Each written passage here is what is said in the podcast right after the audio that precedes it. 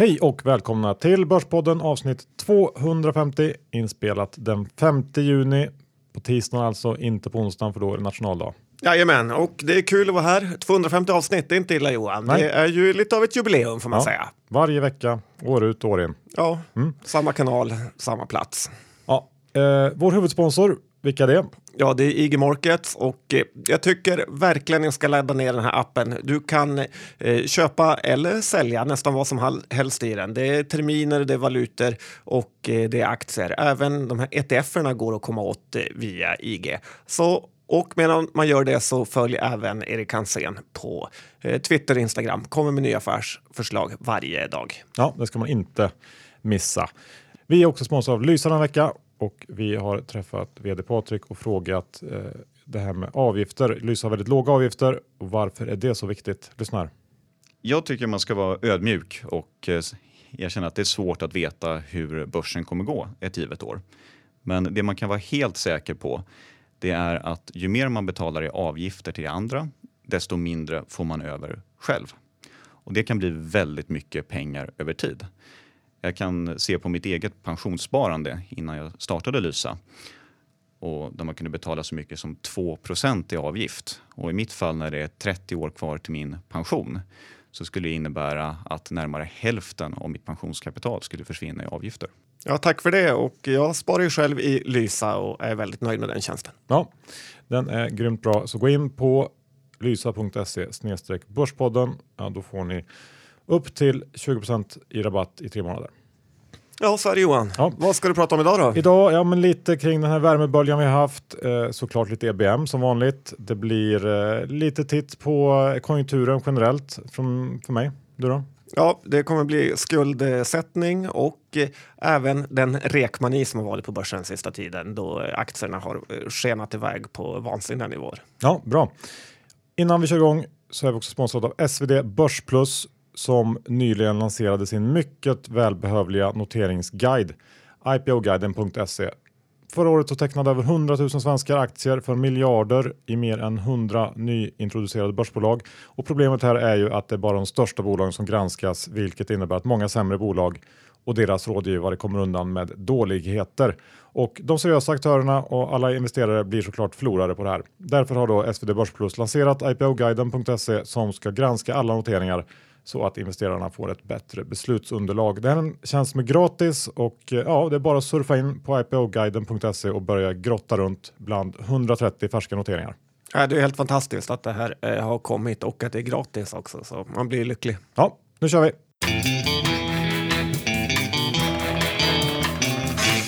Johan Dr. Bass Isaksson, vi har index i 1570 ungefär och eh, ja, vad säger du? Ja, men nu känns det som att det börjar stanna upp lite grann och eh, vi börjar väl gå in i någon slags lite mer sommarlunk även på börsen.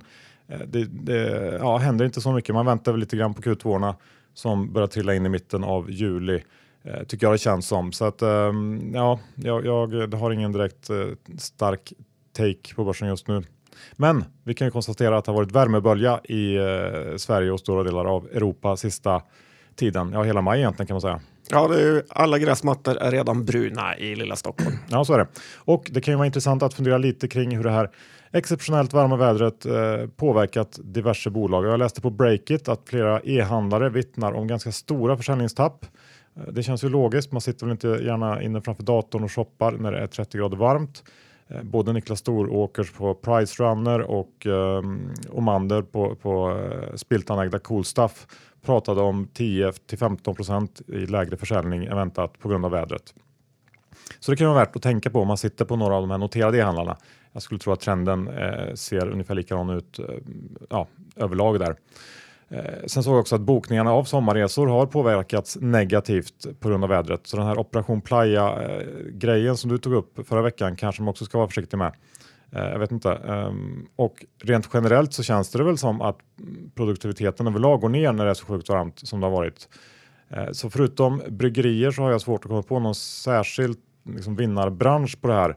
Eh, och det brukar ju dessutom också vara så att om man har en produkt eller en tjänst som helt plötsligt får ett jätteuppsving i efterfrågan så är det ofta svårt att kunna möta eh, den efterfrågan. Eh, speciellt om det beror på väder för det är svårt att planera eh, både produktion och inköp eh, i förhand efter det. Okej, okay, så det är bara negativt för börsen med varmt? Ja, men det är ju, det är ju skönt, men, men jag har svårt att se några jättevinnare på det faktiskt. Sen känns det som klädhandeln alltid gnäller. Det är för varmt, det är för kallt, det är för regnigt, det är för torrt. Ja, ja så är det. Eh, skuldsättning då, tänkte du prata om John? Om man ska prata lite om skuldsättning i sån här, äh, sin egen ekonomi så är det, och jämföra det med bolag så brukar man ju prata om att det är så viktigt att köpa bolag som har stabila och bra balansräkningar. Det ska vara lite skuld, det ska helst vara nettokassa och i grunden låter ju det smart, men ofta är det inte riktigt så smart. Tittar man på vilka svenska bolag som har presterat bäst eh, så är det ofta sådana här som Hexpol, Nibe, Hexagon. Och alla de har ju väldigt ofta varit eh, ganska skuldsatta i relativa mått. Och eh, jag tycker ofta en gräns man läser om det här vad gäller skuldsättning är ju ebit Eh, gånger fyra i alltså rörelseresultatet, eh, att det är nettoskulden. Så, och då är det eh, liksom, ganska allvarligt. Men skulle man översätta det här till privatpersoners ekonomier så är ju det ingenting.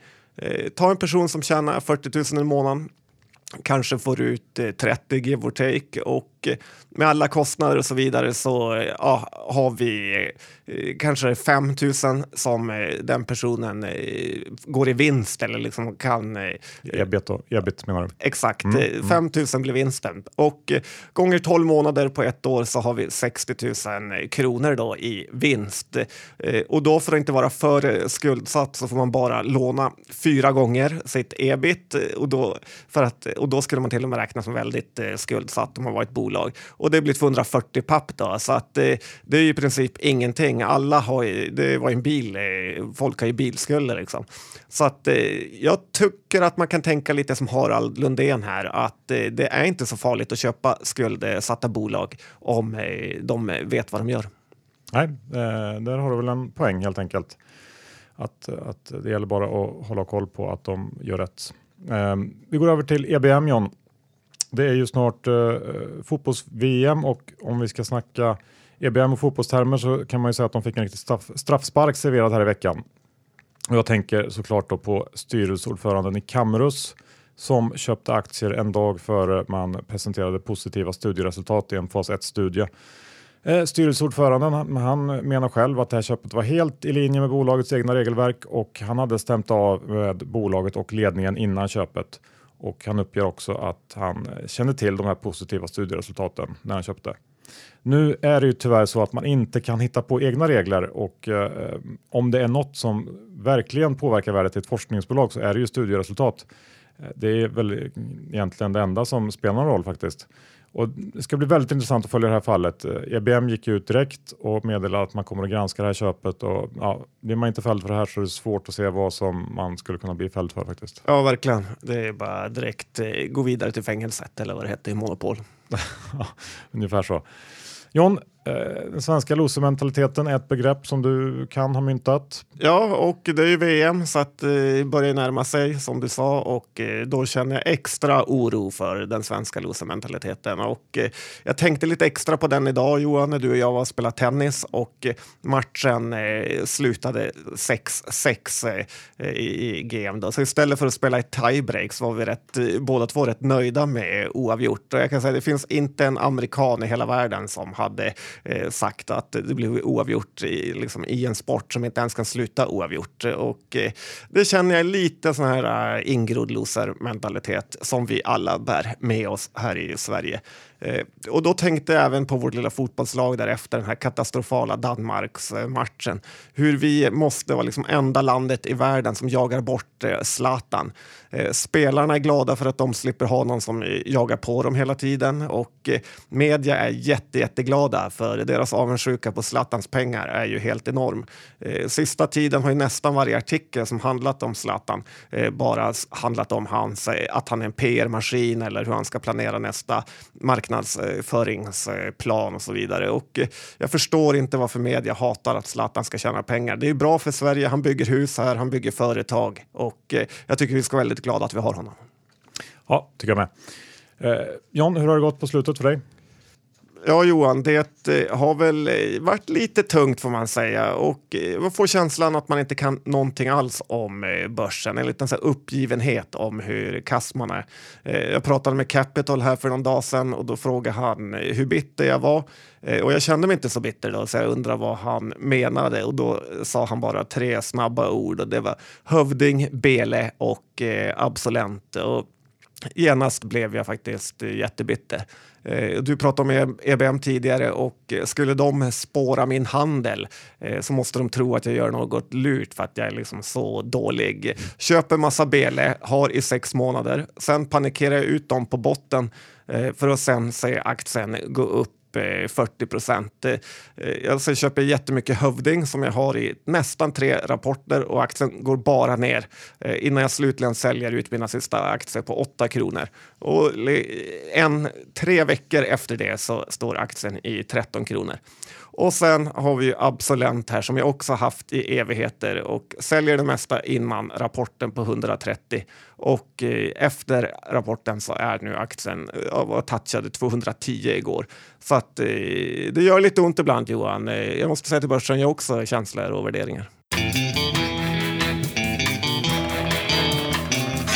Vi är också sponsrade av Lendify denna vecka, John. Ja, det är vi och eh, det är ju fantastiskt vad, hur bra eh, kassaflöde man får via den här eh, tjänsten helt okorrelerat med eh, börsen och eh, eh, du kan återinvestera dina, eh, dina amorteringar och räntor antingen i nya lån via att de återinvesteras eller att du köper på andrahandsmarknaden eh, så kommer du fortare in med dem. Så får de jobba. Eh, Lendify fungerar extremt bra och gå in och kika om det är något för dig. Ja, och vill du testa så går du in på lendify.se snedstreck Börspodden för då kan du få, eller du får 500 kronor extra om du stoppar in minst 10 000 och investerar dem. Fantastiskt. John, jag tänkte börja andra delen idag med en liten konjunkturspecial. Eh, jag tänkte att det passar bra efter att DI i veckan rapporterade om att SKF ska minska produktionstakten mot industrisektorn. Eh, den här nyheten fick ganska stort genomslag och eh, sänkte verkstadssektorn på börsen ganska mycket under den här dagen när det kom. Eh, själva säger SKF att man under de senaste 18 till 24 månaderna har eh, accelererat produktionen för att eh, se till att kunna ha korta leveranstider och eh, god tillgänglighet för kunderna. Men att eh, de här servicenivåerna nu är i balans med kundefterfrågan och eh, att man därför då justerar produktionstakten för vissa, vissa produkter för att inte överproducera helt enkelt. Men man påpekar också här att de kortsiktiga efterfrågeutsikterna står fast Eh, det vill säga att man, man ser en fortsatt god efterfrågan. Ehm, och frågan är väl hur mycket vikt man ska lägga vid det här. Det är ju lite lurigt för SKF är känd som en bra sån här tidig konjunkturmätare, men samtidigt så rör det sig om ett segment och det kan ju också vara så att eh, hela den här grejen är någonting som DI lite grann har förstorat betydelsen av när man fick tag i det här. Jag tror det var något internt dokument man lyckades lura till sig.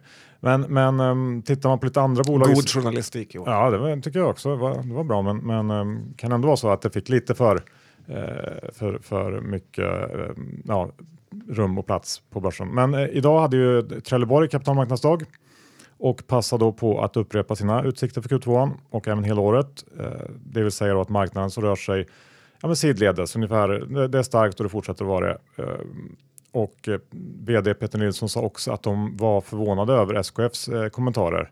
Sen så såg jag att Volvo kom in med starka ordersiffror på lastbilar i USA idag.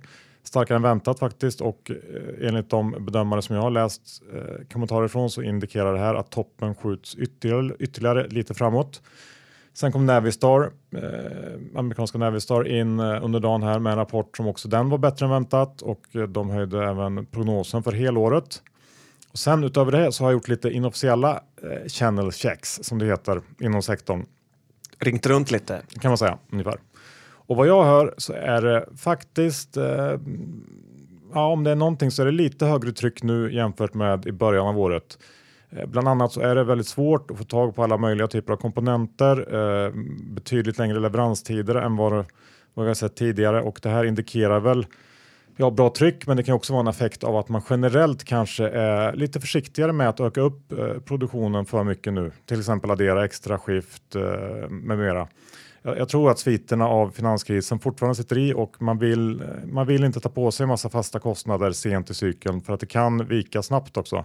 Och jag tror också att den här dynamiken kan leda till att man lägger ja, men lite större och kanske tidigare ordrar än vad som kanske behövs egentligen för att man inte vill riskera att sitta utan komponenter och, och ja, riskera att inte kunna leverera till kunder och så vidare. Och det här är väl ett ganska typiskt sencykliskt eh, händelseförlopp skulle jag säga och inför Q2 så känns det lite som det gjorde inför Q1, det vill säga att det kommer att rulla på bra men flaskhalsar eh, kan nog vara det som ställer till det för många på marginalsidan. Men eh, generellt så känns det som att den här SKF-kommentaren eh, Ehm, än så länge är något slags falskt eh, alarm och någon, ja, jag vet inte.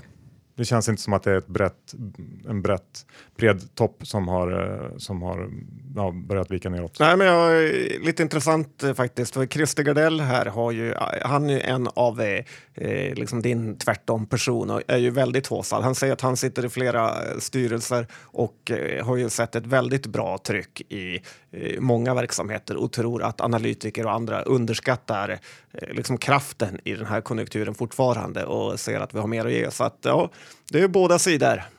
Ja, men det var väl ungefär det jag sa. Ja. ja. Så jag säger inte emot. Nej, sa aldrig emot Christer.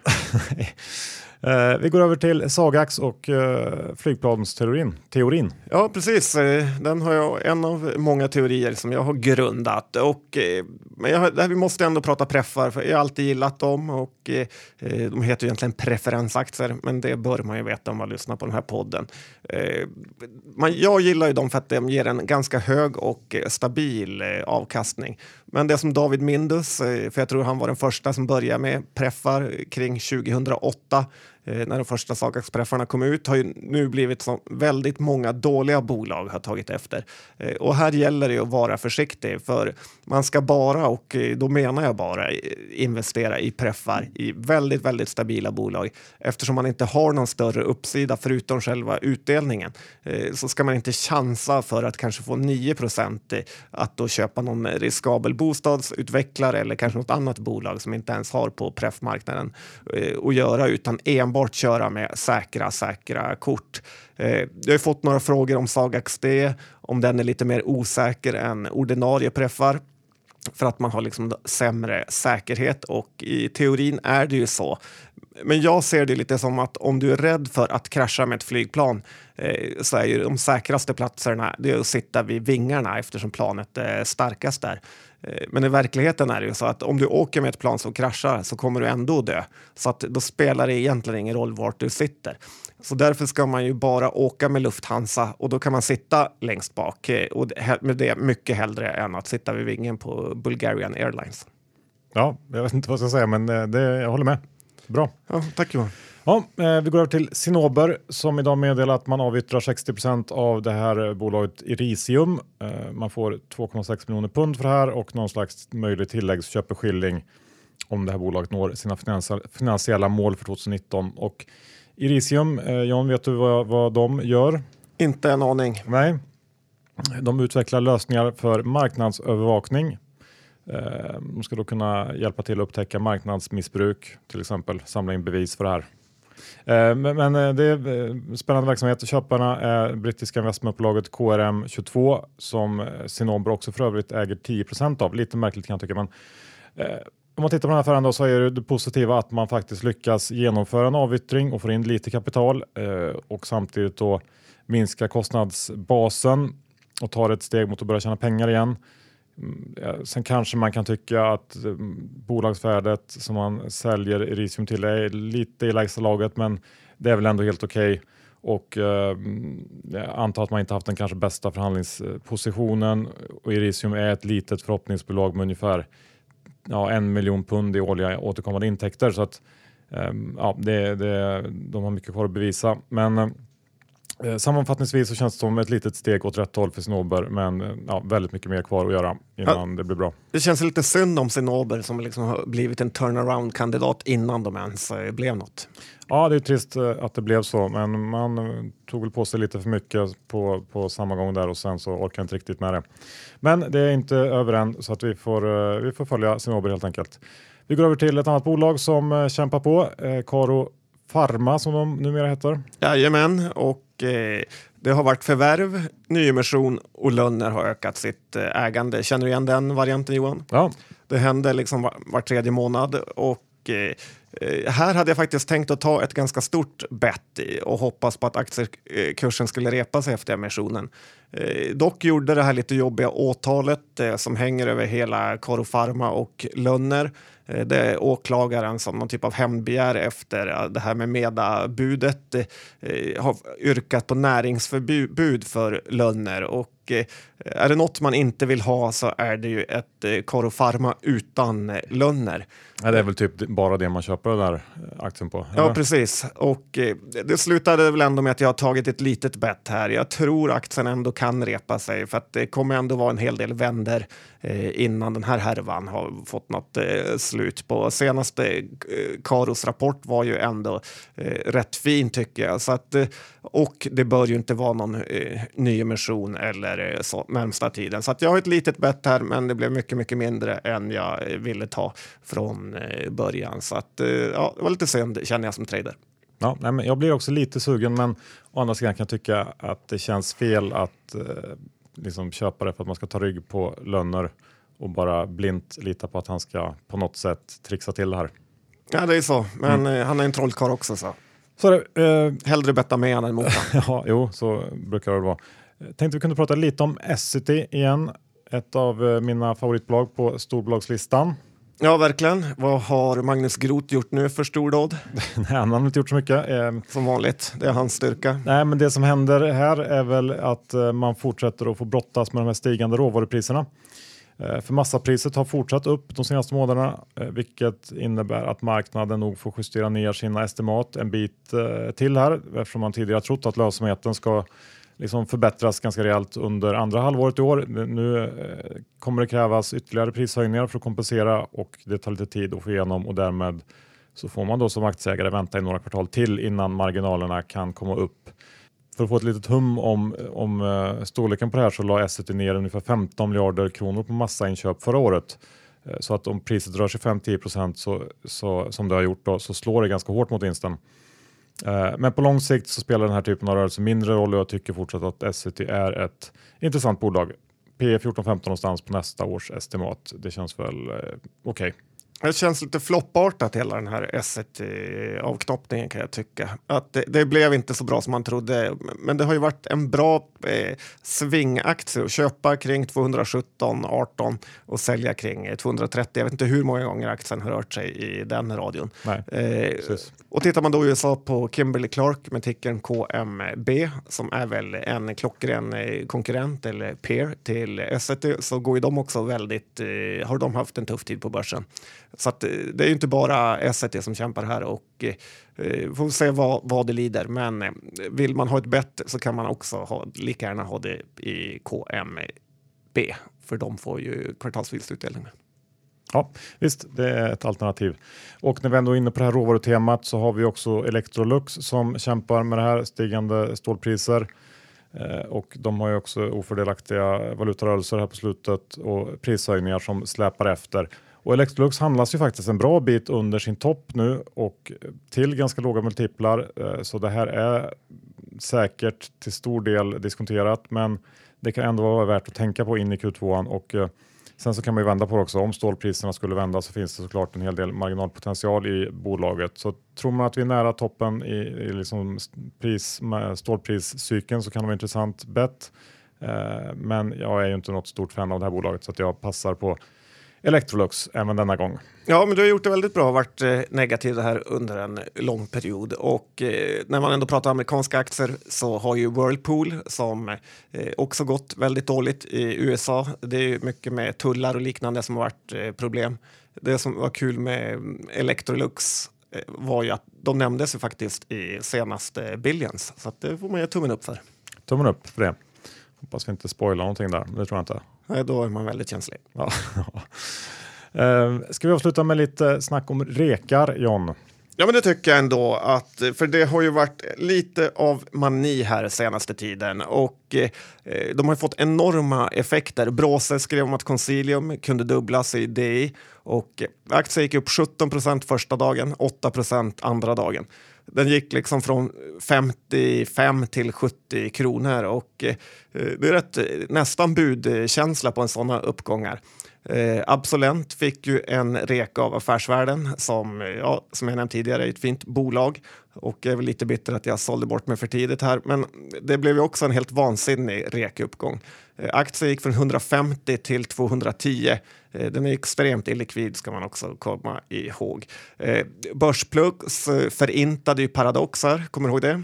Ja, Vore konstigt om du kommer ihåg något för tre dagar sedan. Eh, från 220 till 190 eh, Eh, med sin eh, säljrek. Jag gissar att Per H inte är jättenöjd på Benson eh, med den här reken. Men man kan ju inte bara reka köp, eller hur?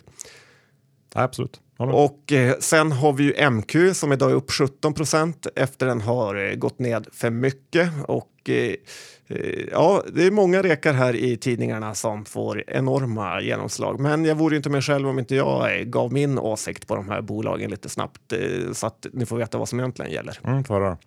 Eh, Concilium, den tror jag faktiskt inte på. Det här är ju en soppa av förvärv, det är en dålig balansräkning, eh, jättemycket minoritetsposter. Så att eh, om jag hade den här aktien, vilket jag inte hade för jag har aldrig gillat den, eller jag har gillat den men inte gör det längre, så skulle jag sälja in i det här uppstudset. Ja, det håller jag helt med om. Det är väl liksom kanske bolag på börsen där det rinner igenom sämst ner till sista raden. Ja, och de här eh, försäljningsrapporterna de släpper är ju helt eh, omöjliga att förutspå hur resultatet ska gå. Eh, just som du sa, på grund av att det rinner ner så dåligt. Eh, Absolent och ju, går ju inte att köpa över 200-lappen tycker jag. Det, den har ju gått upp alldeles för mycket, det hör ni, från 150 till 200 på en rek. Eh, känns som att den har stannat av här också. Eh, MQ, man gillar ju den här eh, att den har gått ner för mycket. Det är en gammal klassisk eh, rek, eller hur? Ja, brukar i och för sig kanske inte alltid vara det bästa kriteriet för att köpa aktier, men eh, Nej, men jag tror ju att MQ kanske är det sämsta valet inom eh, klädsektorn. För att eh, sälja märkeskläder i såna här eh, affärer, det passar ju verkligen näthandel bra. Man går ju inte in på mq.se för att köpa Lee jeans, utan då köper man det någon annanstans. Så att jag tror MQ är väldigt tufft på nätet och den här eh, strategin, eller att de, som det pratas mycket om, att de är bra på de mindre orterna, är ju verkligen förlegat. Och liksom i Allingsås, Lycksele eller Arvika, Johan, så kan ju folk, eh, behöver inte de gå och bara handla Bondelid på MQ, utan eh, där, man får ju tillgång till hela världens sortiment där också faktiskt, tack vare nätet. Eh, så att av de här utbombade klädbolagen så säger jag igen, då tror jag mer på Kappahl som är inriktade mot lite äldre kvinnor. De har egna varumärken. Eh, så att eh, mellan MQ och eh, Kappahl tar jag Kappahl alla dagar i veckan okej. Och det här Paradox, det var väl, kändes ändå som att den hade gått lite för långt. eh, Så att det var nog en bra rek kan jag tycka. Dessutom är det ju bra att använda, som du nämnde, de här eh, flödena från ETFer att eh, sälja in i.